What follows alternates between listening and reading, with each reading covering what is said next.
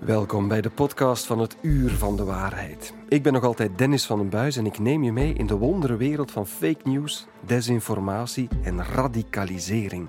Want steeds meer burgemeesters geven aan dat ze in hun gemeente en ook persoonlijk daarmee te maken krijgen. Mijn dochter, als die af en toe zo eens op Facebook gaat kijken, dat ze gelukkig niet al te veel doet, ja, dan, dan voelt ze zich soms ook wel een beetje gechoqueerd. Het bekladden van de openbare infrastructuur. Er zijn ook al eens hakenkruisen verschenen op het stadhuis. Je moest eens weten hoeveel mensen er overleden zijn. Fake news van uh, het niet geloven van overheden, het zich afkeren tegen overheden, het zich afkeren tegen regels. Eigenlijk is dat allemaal het werk van machinatie, van, van mensen die het uh, slecht met de mensheid voor hebben. Dat maakt het voor een stukje ongrijpbaar als lokaal bestuur, als politiediensten, om ja, die veiligheidsrisico's onder controle te krijgen. Hoe dat juist zit met de burgemeesters van Vilvoorde en Borsbeek, die we daarnet al kort hoorden, dat vertel ik je straks. Maar eerst. Het uur van de waarheid. We gaan naar Qatar, het WK voetbal, waar strijd geleverd wordt. En niet alleen op het veld.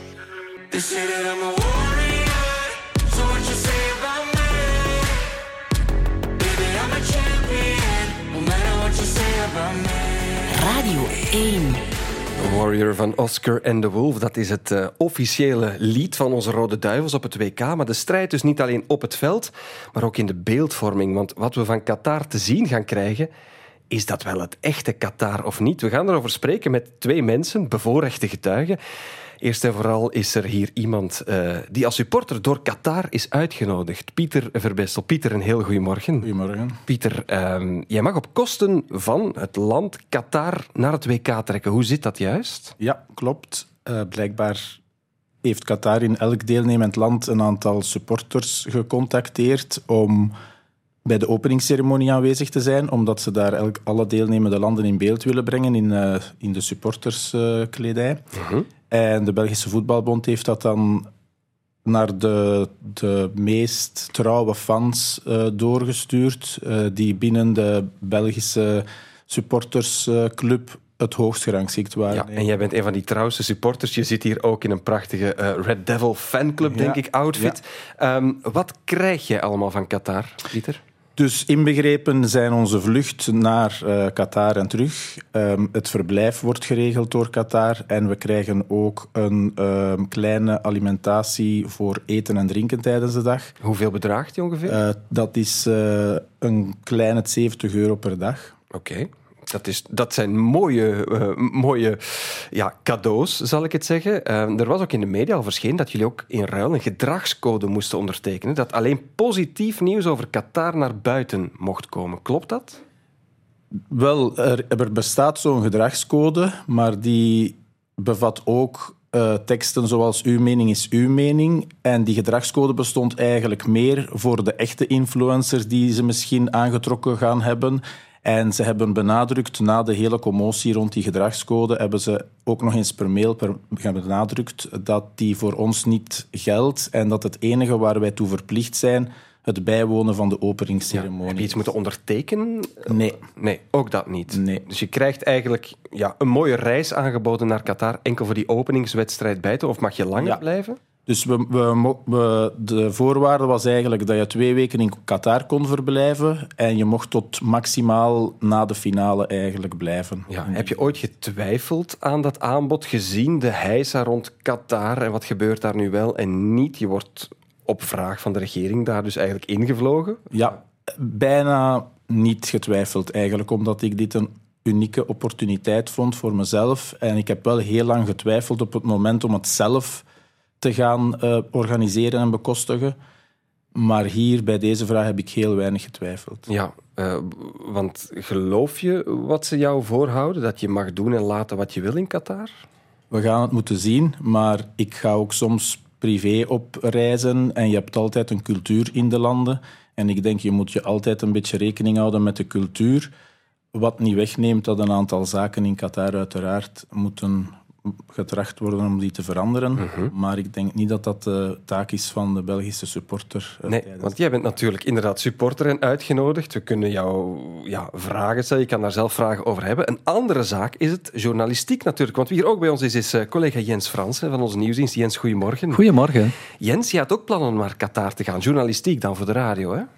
Klopt, maar ik ben helaas geen trouwe fan van Qatar. Uh, nee, ik ben een journalist hè, en ik uh, maak verslag in het uh, Midden-Oosten, in de Golfstaten ook. -huh. En het is een van de weinige keren dat ik, maar ook uh, een aantal collega's binnen de nieuwsdienst, onder meer van ons jeugdprogramma Karrewiet, die daar ook willen naartoe gaan, hebben wij eigenlijk, heeft niemand van VRT Nieuws, van de journalisten, een visum gekregen. Um, vooral duidelijkheid, het is ons ook niet echt geweigerd. Niemand heeft gezegd dat we het niet krijgen.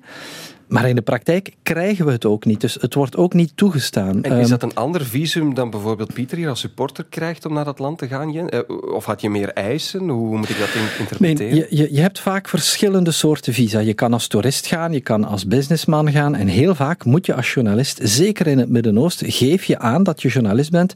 Men weet dat ook wel in Qatar. En dan moet je het spel formeel spelen en dan zeg je, kijk, ik ben een journalist, geaccrediteerd voor VRT, voor de nieuwsdienst. We zijn een grote mediaorganisatie en we zouden van dan tot dan graag verslag uitbrengen over, um, ja, uh, over Qatar. Voilà. Mm -hmm. Met als onderwerp uh, ja, de, de, het, het, World, uh, het WK dat er zit aan te komen. En dan merk je dat daar eigenlijk gewoon geen antwoord uh, op komt. Je kan dan telefoneren, je kan bellen, uh, je kan fysiek langsgaan. En we hebben dat allemaal gedaan als CRT Nieuws. Maar uiteindelijk krijg je toch geen visum. Nee, Punt aan de lijn. sportjournalisten gaan er wel zijn, denk ik. Hè? Ja, de, de mensen van uh, Sportza die mogen wel gaan. En heel even hebben we dan ook bekeken of het een optie zou kunnen zijn um, dat ik bij wijze van spreken dan een pet opdoe als uh, sportjournalist. Mm -hmm. Maar er zitten een aantal risico's aan vast. Want natuurlijk, je krijgt um, als mediaorganisatie zo'n visum, je krijgt dat een stukje in groep. En met andere woorden, er werd ons wel duidelijk gemaakt dat als je als sportjournalist gaat, dan moet je heel nauw ook een aantal regels naleven. Dan mag je alleen verslag doen over de wedstrijden. En mag je dat al ook uh, bijvoorbeeld ook alleen maar doen in de buurt van de stadions. Met andere woorden, mocht ik dan als journalist besluiten om 60 kilometer verder te gaan rijden, om eens te gaan kijken hoe zit dat nu in die werkkampen? Kan je daar binnen überhaupt? Het antwoord is nee. Maar kan je daar naar gaan kijken? Mocht ik daar met een microfoon worden tegengehouden, en ik zal daar worden tegengehouden, want de veiligheidsdiensten zijn zeer goed uitgebouwd in Qatar, mm -hmm. ja, dan zitten we met een probleem. En dan zou het wel eens kunnen dat de volledige equipe van VRT Sportza, van, van alle mensen die bezig zijn met sportverslaggeving, dat we allemaal op het vliegtuig worden gezet. En dan moet je gaan afwegen, ja, is het sop de kolen waard? Ja, want, want ik hoor je al spreken over die werkkampen. Welke journalistieke plannen had je nog? Of wat wilde je gaan bekijken, onderzoeken? Ik, ik, ik, ik, ik had een aantal dingen. Ik wilde eens gaan kijken naar die werkkampen, eigenlijk wetende dat je daar ook niet binnen kan. Um, maar om, om ook dat verhaal te vertellen, hè, hoe hard de repressie is wanneer het daarover komt. Twee, ik, ik had vanzelfsprekend iets graag willen doen rond vrouwenrechten in Qatar. Hè, want bijvoorbeeld vrouwen moeten daar nog altijd um, leven en werken in, um, met een, een mannelijke guardianship uh, systeem. Met andere woorden, een vrouw kan niet zelf beslissen of ze naar het buitenland gaat. Een vrouw kan niet zelf beslissen uh, welke job ze wil doen. Heeft altijd een mannelijke voogd nodig.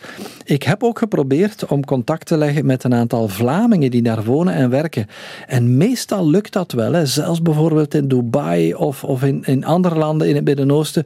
Zeker voor radio is dat altijd heel erg leuk om eens een Vlaamse stem uh, te horen die daar woont en werkt. En om samen met die Vlaming of die Vlamingen ergens naartoe te gaan. Bijvoorbeeld naar de markt. Of, maar of dat naar... gaat niet lukken dan, Jens? Alle Vlamingen hebben gezegd, ja, wij werken toch liever niet mee. En dat, dat, dat is heel opmerkelijk. Er is mijzelf bijna nog nooit overkomen dat de Vlamingen die ter plekke wonen, dat die eigenlijk allemaal zeggen, ja, ja, sorry, sorry, sorry, mm -hmm. maar we doen toch liever niet mee. Zelfs niet als het alleen voor radio is, zelfs niet anoniem. Dat, dat zegt misschien inderdaad heel veel. Ik ga even terug naar, jou, Pieter, want jij gaat voor het voetbalfeest. We mogen van een burger niet verwachten wat we van een journalist gaan verwachten. Um, maar krijg je daar ook opmerkingen over in jouw omgeving of van andere supporters? Het feit dat je dit nu gaat doen? De meeste mensen zijn daar echt wel positief over en vinden dat een unieke kans om het WK van dichtbij mee te maken. En oké, stellen zich ook wel vragen van wat gaat het daar ter plaatse echt zijn? Hoe gaan de fans omringd worden of geleid worden? Mm -hmm. Of uh, ja, dat is niet duidelijk. Nee, nee. Heb je plannen om Qatar zelf ook te bezoeken, los van, van de wedstrijden? Ik ga toch proberen om de belangrijke toeristische trekpleisters te doen en een aantal dingen te bezoeken. En ik ben ook van plan om dat op dezelfde manier te doen als ik anders op reis ga. Mhm. En uh, inderdaad, je zei het, ik ben geen echte influencer, maar je gaat wel op social media voor je eigen volgers misschien of voor je eigen familie en vrienden iets posten? Voor familie en vrienden ga ik wel uh, laten allez, zien wat ik, met, met wat ik bezig ben. Um, maar ja, ja, en voor jou Jens, ook aan het scherm gekluisterd? Of hoe, hoe, gaan nu de journalistieke plannen van de nieuwsdienst uh, verder rond Qatar? Die zijn op een heel laag pitje gezet natuurlijk, hè, want we kunnen heel erg weinig doen. En ik, uh, voor alle duidelijkheid, uh, Pieter, dat is jou 100%, 200% gegund. En ik snap ook wel dat men vanuit Qatar zegt van kijk, die gedragscode ja. Maar waar jij je natuurlijk wel zal aan moeten houden, dat is aan de wetgeving van Qatar. En het probleem is dat die wetgeving in Qatar ook voor jou, Pieter, heel erg onduidelijk is. Want er is een nieuwe wetgeving gestemd 2021 die zegt van kijk, wie valse informatie zou verspreiden over uh, dingen in Qatar en die tegen het regime van Qatar zouden kunnen gaan, en het is zo vaag gecommuniceerd in de wetgeving, ja, die kan veroordeeld worden tot heel zware boetes en gevangenisstraf. Pieter, ik daag jou uit om heel goed te weten wat dat dan inhoudt. Want als jij ergens, zonder dat je het zelf zal weten, ergens eens over de schreef zou gaan, ja, dan kan jou wel heel wat boven het hoofd gaan hangen. Dat zijn uh, heel veel vragen en opmerkingen. Pieter, je hebt nog een week voor je vertrekt in het vliegtuig. nu, we hebben wel een beetje steun van de Voetbalbond, want zij hebben ook een fanguide uitgegeven en daar staan de belangrijkste regels in. En daar staat ook wel bij sommige dingen bij van let hier heel goed op, want inderdaad, het is een ander soort regime. Dus we gaan daar sowieso rekening mee houden en trachten van dat op de juiste manier allemaal. Absoluut, want, want tot slot Jens, um, dit is toch wel zeer vergaand voor wat gewoon een voetbalfeest voor heel de wereld en iedereen ongeacht afkomst, gedachtegoed, uh, geaardheid zou moeten zijn. Hè? Ja, nee, hè. Uh, je, weet dat dit georganiseerd is in, in Qatar. Mocht je een, WK organiseren in Noord-Korea, dan weet je ook waaraan je begint. Qatar is een golfstaat, is geen democratie. Uh, je hebt daar heel veel schendingen van mensenrechten. En op het moment als dat beslist is, ja, dan weet je in welk circus je gaat meestappen. Dit is geen fijn land. Ook de Vlamingen die daar zijn, zijn daar niet omwille van het mooie klimaat en omwille van de vrouwvriendelijke Qataris. Dit gaat over geld, punt. Let op, je kan aan de ene kant zeggen: oké, het is wat het is. Hè. Eh, WK gaat ook over geld en we gaan daar naartoe. Het moeilijke is een beetje als je daar een sausje begint over te gieten en te zeggen: van kijk, dit is een volksfeest voor iedereen en iedereen is welkom en we gaan verbinden met de hele wereld. Jongens, laten we dat dan niet doen. Laten we heel duidelijk weten in wat voor soort land dat is en laten we daar ook niet te hypocriet over doen. Qatar is een staalharde dictatuur waar eigenlijk geen, waar de mensenrechten dag in dag uit geschonden worden. Fine with it en we gaan naar het voetbal kijken. En bij deze hebben we dat verhaal toch ook maar eens uh, verteld. Het zal niet de laatste keer zijn, hoop ik, uh, dat we die kanttekening plaatsen bij dat grote voetbalfeest waar Pieter, jij als supporter voor het voetbal, met alle recht en reden ook naartoe gaat. Je bent uitgenodigd, je hebt dat uitgelegd. En Jens, dankjewel ook om bij ons te zijn. Graag gedaan. Radio 1. Het uur van de waarheid. Desinformatie, fake news, uh, complottheorieën en ook het wantrouwen in de overheid, dat neemt arm om arm toe, blijkbaar. Een uh, nieuwe bevraging van de VVSG, de Vereniging van de Vlaamse Steden en Gemeenten, heeft nu uh, naar buiten gebracht dat meer burgemeesters dan ooit melding maken van radicalisering en van fake news en dat dat een impact heeft op de lokale besturen en ook op hun eigen persoonlijke leefwereld. Dit zijn de burgemeesters van Borsbeek, Des van Berkelaar en Hans Bonte van Vilvoorde. Uh, zonder schroom, zonder beleefdheidsformules, uh, de nodige grote verwijten en, en ook telefonisch. Fake news, zeg afkeren tegen overheden. Mijn dochter, als die af en toe zo eens op Facebook gaat kijken, wat ze gelukkig niet al te veel doet, ja, dan, dan voelt ze zich soms ook wel een beetje gechoqueerd. Dat maakt het voor een stukje ongrijpbaar als lokaal bestuur, als politiediensten, om ja, die veiligheidsrisico's onder controle te krijgen. Daar zat al heel veel in, een aantal elementen waar we het uitgebreid over gaan hebben. Want Nathalie de Bas, de woordvoerder van de VVSG, is bij ons. Ja, Nathalie, goedemorgen. Goedemorgen. Nathalie, die signalen die bij de burgemeesters komen van radicalisering, extremisme, fake news, kan je daar cijfers op plakken? Want jullie hebben die bevraging al een paar keer gedaan. Hè? Hoe zit het er nu? Klopt, wij doen deze bevraging uh, in het kader van een project op vraag van de Vlaamse overheid, met de steun ook van de Vlaamse overheid. En we kunnen dus uh, een vergelijking maken. Vandaag zien we dat twee op drie gemeenten signalen krijgen van gewelddadige radicalisering. Dat is dus problematisch. Dat is 18% meer dan twee jaar geleden toen we de bevraging deden. Um, één op drie gemeenten ziet ook een stijging daarin van, van, van signalen uit rechtsextremistische hoek ook het extreem islam, uh, signalen uit, uh, met extreme, uit ex extreme islam, mm. die blijven ook gelijk. Dus uh, die staan eigenlijk op gelijke voet. Dus dat is problematisch.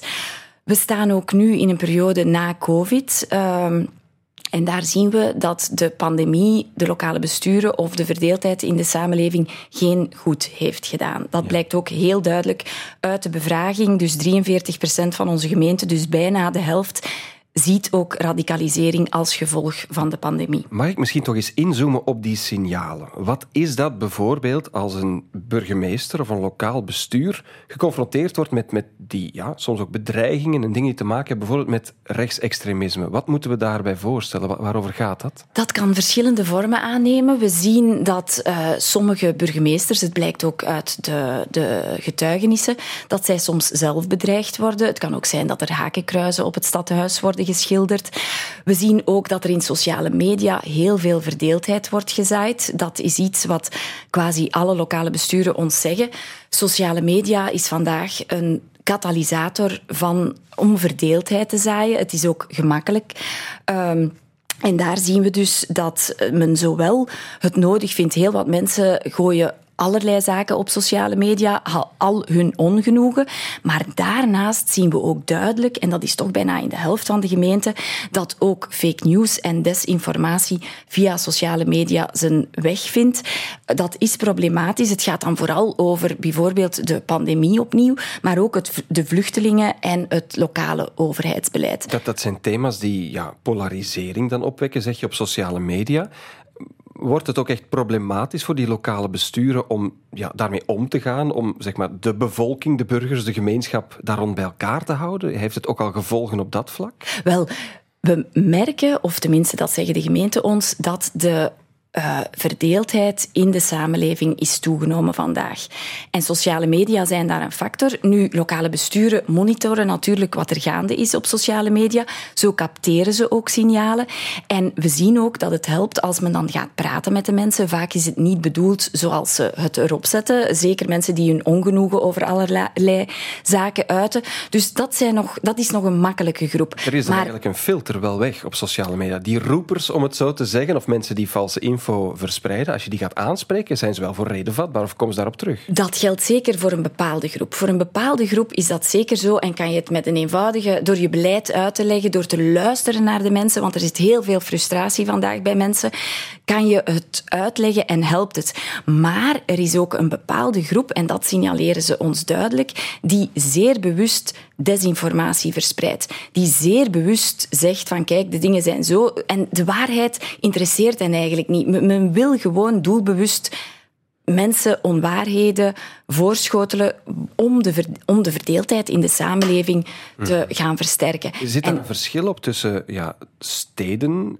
en het platteland? Of is dat in alle Vlaamse gemeenten dat jullie dit opmerken? Wel, uh, de bevraging is, is, is, is inderdaad uh, verfijnd genoeg om te kunnen zeggen dat de, in de steden de problematiek meer speelt, maar ook landelijke gemeenten melden ons die signalen. Dus mhm. het is zeker niet enkel een stedelijk fenomeen. We weten ook wel dat men in steden vaak ook wat meer mankracht heeft om erop in te spelen dan in de landelijke gemeente. Dat, dat is ook een factor. Maar uh, het is iets wat overal schuilt en waarmee bij iedereen ons zegt van kijk, die sociale media, die moeten we nu gaan aanpakken. Dat is een katalysator. Er zijn vandaag algoritmen die mensen enkel bevestigen in hun eigen standpunt. Het is een echokamer van het eigen grote gelijk. Maar het raakt dan natuurlijk ook aan lokaal beleid, wat er besloten wordt, hoe die personen, dat hoorden we de burgemeester van Borsbeek zeggen, daar ook persoonlijk mee geconfronteerd worden, of hun familie op Facebook of bij de bakker. Um, hebben de gemeenten ook de slagkracht om dit aan te pakken, om hiermee om te gaan? Wel, zij kunnen natuurlijk, een lokaal bestuur staat zeer dicht bij de burger kan signalen detecteren, kan erop inspelen, maar dat is vandaag niet voldoende. Zeker als mensen ook in hun eigen fysieke, uh, ja, als ze bedreigd worden, dan dat kan niet. Men kan niet burgemeester worden om nadien doodsbedreigingen te krijgen. Dus dit is een heel duidelijk signaal. En, maar dat kan je niet. Je kan wel zorgen als lokaal bestuur dat je een beleid voert waar mensen zich goed voelen. Dat helpt natuurlijk. Als mensen tevreden zijn over het gevoerde beleid, als ze het ook begrijpen waarom een gemeente dit of dat doet, dan zal dat helpen. Maar het stopt niet bij dat, bij, enkel bij dat lokale beleid. Wat moet er dan gebeuren? Wel, een hele race van maatregelen. We hebben een heel actieplan klaar, waarbij we natuurlijk vragen dat er ook op structurele problemen in de samenleving wordt ingegrepen. Maar daarnaast vragen wij ook dat die sociale mediaplatformen, die online, online platformen, dat die echt hun verantwoordelijkheid nemen. Wij willen samen met de federale en de Vlaamse overheid, maar ook met uh, wetenschappelijke instituties, met de online platformen zelf, willen wij een aanpak. Over, over, Meta en Twitter, dan ga je met Silicon Valley moeten overleggen met Elon Musk. Gaat het daarover? Wel, het gaat over die zaken waarbij wij echt vragen, en dat is dan vooral een zaak naar de federale en de Vlaamse overheid. We, we denken dat die op dat vlak wel meer slagkracht hebben om dit samen met ons aan te pakken. Wij zijn. Uh, perfect in staat, de bevraging toont dat ook aan, om de signalen die leven lokaal, om die te capteren, om die ook aan te brengen. Maar we vragen nu om daar samen met allerlei andere actoren ook effectief iets aan te doen. Desinformatie gaat vandaag zo snel. Je kan dat als burgemeester, als schepen, als medewerker van een lokaal bestuur niet zomaar keren. En dus willen we dat daar, dat, dat aan banden wordt gelegd. Eh, verwachten jullie ook dat dat bij de komende gemeenteraadsverkiezingen ook een rol kan gaan spelen? Dat dat ja, bepaalde zaken in gang kan zetten of fake news daar rond verspreiden? Is dat iets waar jullie mee bezig zijn? Fake news wordt vandaag verspreid over allerlei zaken. En dus dat kan ook naar de gemeenteraadsverkiezingen natuurlijk een factor worden. Um, en vandaar dat we ook zeggen, ja, we moeten zelfs niet wachten op de gemeenteraadsverkiezingen. We moeten nu ook al ageren. We moeten nu uh, fake news, dat er op, op allerlei vlakken, maar natuurlijk ook over zaken die naar de verkiezingen toe zeer belangrijk zullen worden, dat men daar uh, weerwerk tegen kan bieden. Want uh, in heel wat gemeenten, meer dan amper twee jaar geleden, komen die signalen dus naar boven. Nathalie de Bas van de VVSG, dankjewel voor je tijd. Graag gedaan. Radio 1. Het uur van de waarheid. Herinner je je nog een uh, tijdje geleden dat we hier in het uur van de waarheid het uh, dossier aankaarten over malafide handelaars in hout? Ja, je weet, het uh, gas is duur en dus is stookhout weer interessant geworden. Maar het waren interessante partijen stookhout op schimmige websites voor nog interessantere prijzen. Te mooi om waar te zijn. Het bleken oplichters en niet weinig ook. Nu, we hebben nog eens ons licht opgestoken bij de FOD Economie om te zien hoe is het nog met dat probleem en wat blijkt. De economische inspectie heeft van 1 juli tot en met 31 oktober 568 meldingen ontvangen over die valse webshops die hout en houtproducten verkopen. En dan denk je, ja, zijn dat nu veel meldingen? Wel, de gemiddelde schade in zo'n dossier zit rond de 414 euro. En dat is een gemiddelde. Sommigen durven zelfs ook niet zeggen hoeveel ze kwijt zijn geraakt. Nu, ben je zelf gedupeerd, dan moet je altijd aangifte doen. Ook als je uh, denkt, dat is maar een klein bedrag. Dat zegt phishing-expert Sophie Royer van de KU Leuven. Vele vormen van online oplichting of phishing zijn natuurlijk ook strafbaar. Ook de pogingen zijn strafbaar en de straffen kunnen wel hoog oplopen een gevangenisstraf tot vijf jaar en een geldboete tot 100.000 euro. Dus het is wel belangrijk dat je klacht gaat neerleggen bij de politie en dus ook bewijsmateriaal te verzamelen wanneer je het slachtoffer wordt van een phishing. Je kan bijvoorbeeld printscreens nemen. Ja, screenshots bijhouden van websites die misschien nadien verdwijnen. Uh, hou het allemaal goed bij. En bovenal natuurlijk, als je kan bewijzen dat je te goeder trouw handelde, dan bestaat de kans dat je bank, via een tussenkomst van de rechtbank, je geld terugstort. Je kan eventueel ook naar de rechter gaan wanneer je het gevoel hebt dat je nergens in de fout bent gegaan, dat je alle principes van veilig internetbankieren hebt gerespecteerd, dan kan het zijn dat de bank toch verplicht wordt om jou te vergoeden. En bovenal, koop geen hout als je niet kan nagaan of de verkoper echt bestaat en een echt adres heeft. En zijn de prijzen te mooi om waar te zijn, dan is dat waarschijnlijk ook zo. Het uur van de waarheid. De checker.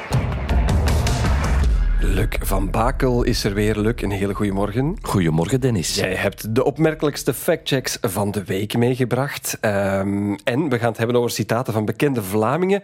En wie volgt in de app en kijkt naar ons programma in de app van Radio 1, die ziet dat je niet alleen bent gekomen. Ik zie een zeer grote, maar weinig bewegelijke of weinig vleeselijke Alexander de Croo hier toch ook staan. Een grote dummy van onze premier. Wat is er aan de hand? Wel, kijk, onze premier die zou hebben gezegd dat hij een uh, afbetalingsplan nodig heeft om zijn factuur voor de gas bij Luminus te kunnen betalen.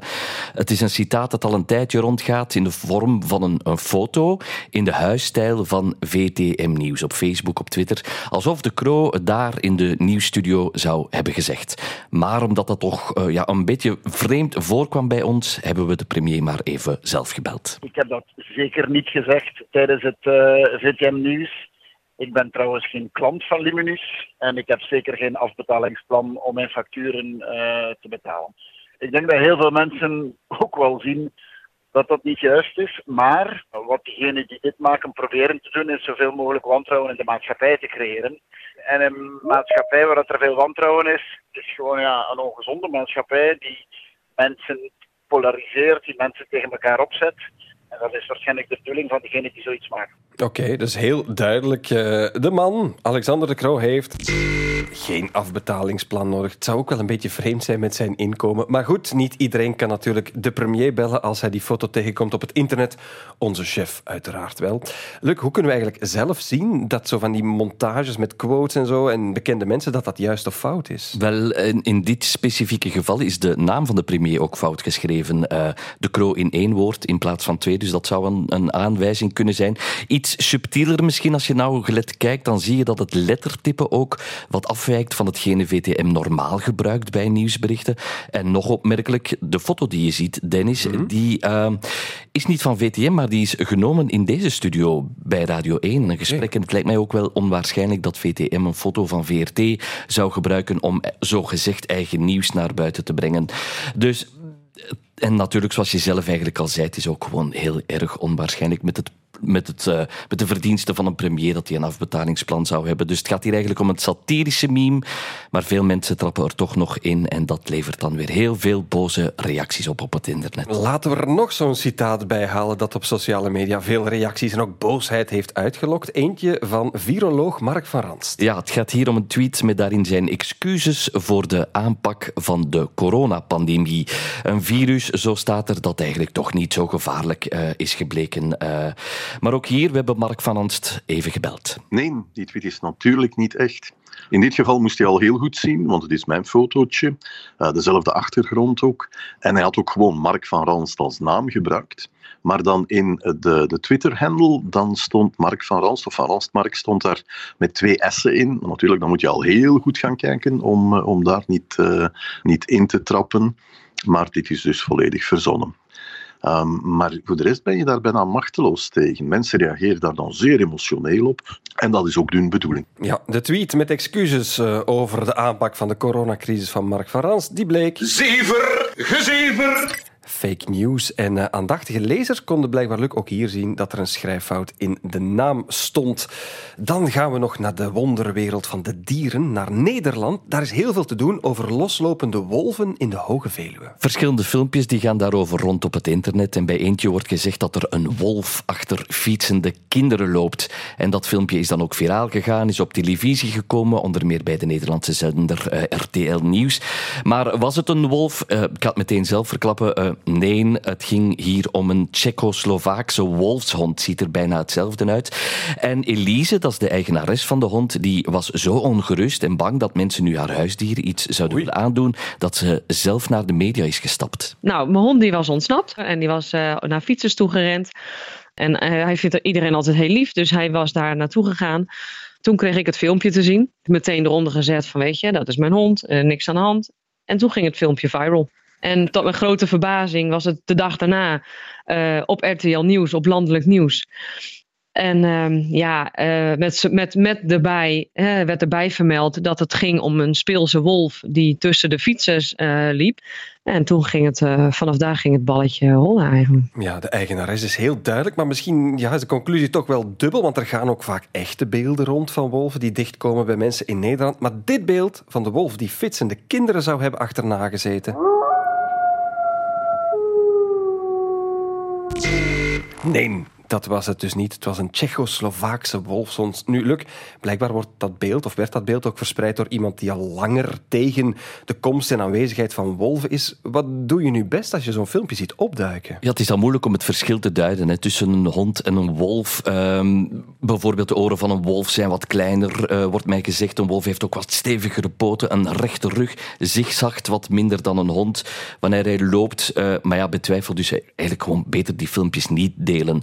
Je kunt ook altijd, als je zo'n beelden zelf filmt of toch op je tijdlijn van sociale media tegenkomt, je kan die ook altijd doorgeven aan het agentschap uh, Natuur en Bos of aan verenigingen zoals Welkom Wolf en zij checken dan die beelden voor jou. Oké, okay, een wolf of wolfshond herkennen is niet zo uh, simpel dus, maar een pitbull die zich vastbijt in fake news herken ik hier wel. Luc, dat ben jij. Waar kunnen we het allemaal nalezen? Uh, op de pagina van de checkers.be en mensen die zelf suggesties zullen doen om iets te laten factchecken, die kunnen ons ook mailen, Dennis. En dat kan op het uur van de waarheid at radio1.be.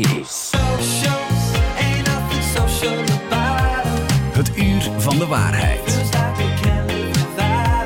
Het is allemaal mis beginnen lopen bij Lance Armstrong. De schoemelende wielrenner, weet je nog, die ooit uitpakte met die plastic bandjes van Livestrong. Zijn goed doel om kanker te bestrijden. Een goed doel dat een echt goed doel was. En die bandjes, iedereen kocht die. Maar in het kielzog van Lance zijn heel veel andere goede doelen gestapt.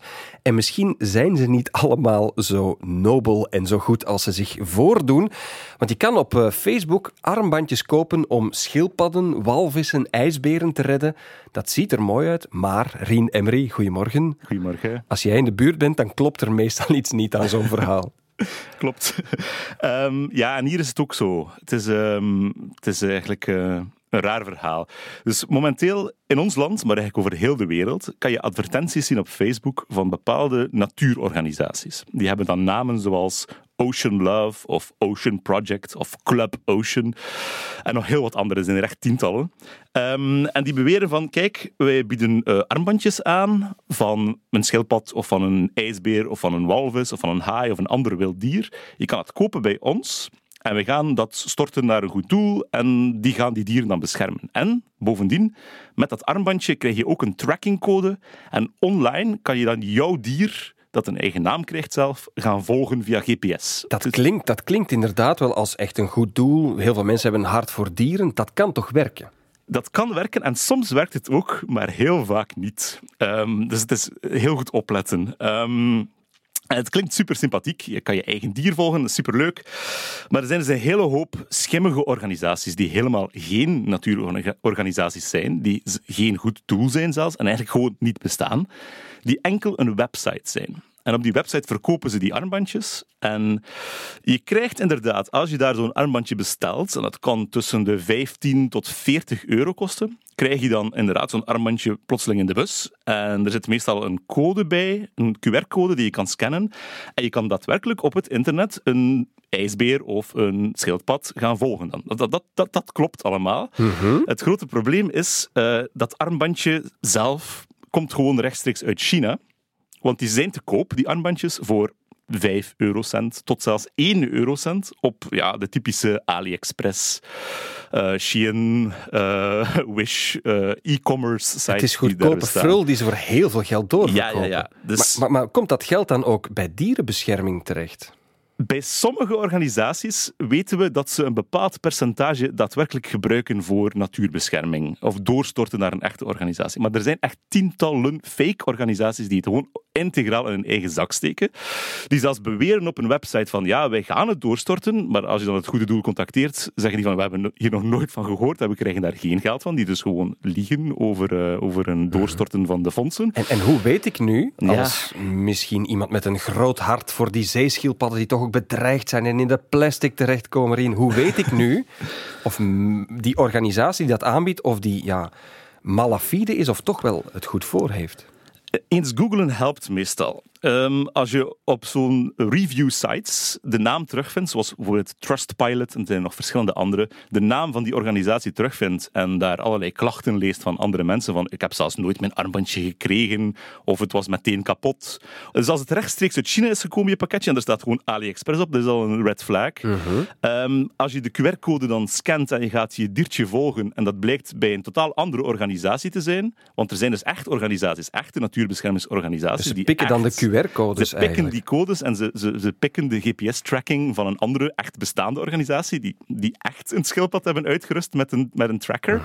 Uh Is het een idee om, om, om, misschien gewoon de gekende en geregistreerde dierenrechtenorganisaties dan te steunen? Is dat de manier om dit te vermijden? Om dit te vermijden hou je je best aan de organisaties die je kent van naam, die, waarvan je weet dat ze geregistreerd zijn als een goede doel of als een natuurbeschermingsorganisatie, die hebben ook personeelskosten natuurlijk. Die hebben ook overhead, die investeren ook in reclame. Niet alles van wat je aan hen stort zal naar een goede doel gaan. Maar daar heb je tenminste een zekerheid dat er tenminste een deel naartoe gaat. In dit geval, ja, anders als je zo'n armbandje koopt en je bent niet zeker over de organisatie waaraan je het stort, kan het gerust zijn dat je een of andere oplichter rechtstreeks 20 euro stort die slechts 5 cent moet investeren in een armbandje dat hij zelf gewoon dan koopt op AliExpress. Ja, dus doe mee om het zeeleven te redden. Uh, red een schildpad staat er dan, maar eigenlijk red je misschien de bankrekening van iemand die het eigenlijk niet zo goed voor heeft met het zeeleven en het milieu. Rien Emery van onze redactie, dankjewel voor je uitleg. Geen probleem. En daarmee is deze podcast van VRT Nieuws en Radio 1, het uur van de waarheid, bijna afgelopen heel veel bijgeleerd over Qatar, onze burgemeesters en ook over de bankrekening van premier Alexander De Croo. Meer podcasts in de app van VRT Max. Herbeluister ze allemaal en dat is zeker geen fake news. Fake news. There's never been an innovation that's so easy to do. They used to be lies, now they're alternative truths. So if you fake it with me, I'll fake it.